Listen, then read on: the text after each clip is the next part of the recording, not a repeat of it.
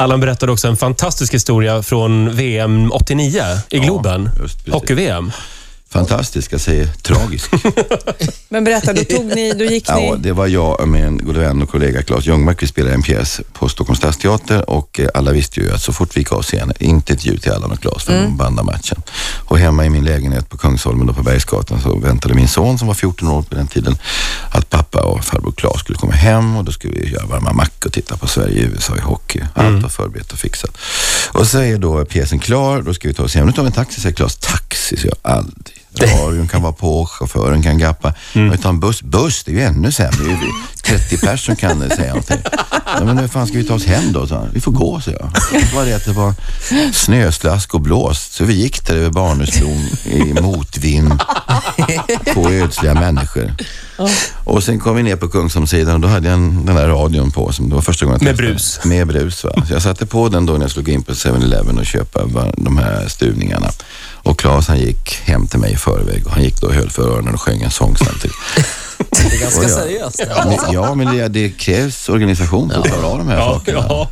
Och i alla fall så köper jag de här stuvningarna och kan jag hör ju inte ett ljud vad expediten säger, men det behövde jag inte. Jag tittade bara på displayen i kassaapparaten och log vackert så här. Men jag hör i öronen. Så det funkar, så jag går hela vägen fortfarande störningsljud och jag går in i trappuppgången, tar inte av dem för någon granne kan sticka ut huvudet och säga 4-1, grattis.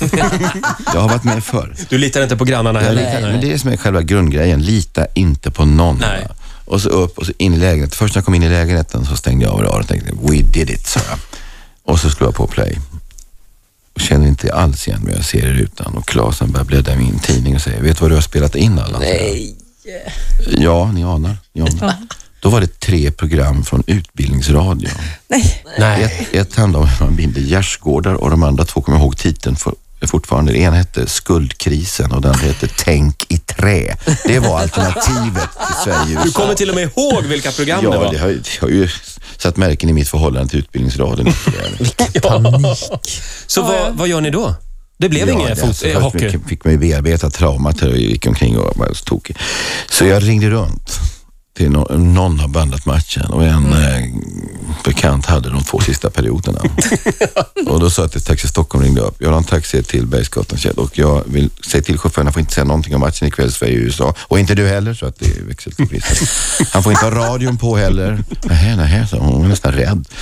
Så när jag kom ner i bilen så räckte han upp händerna och sa, jag vet allt. Så, ungefär som du vet Hansa. Ja, okej. Men det funkade. Vi åkte och hämtade kassetten och klockan fyra på morgonen hade vi egentligen sett den här matchen. Det blev en ganska lång och dyr match. Det blev en mycket dyr match. Men då minns du... Jag minns inte resultat, men jag minns att Kenta Nilsson gjorde ett magiskt Just mål. det. Faktiskt. Vilken historia.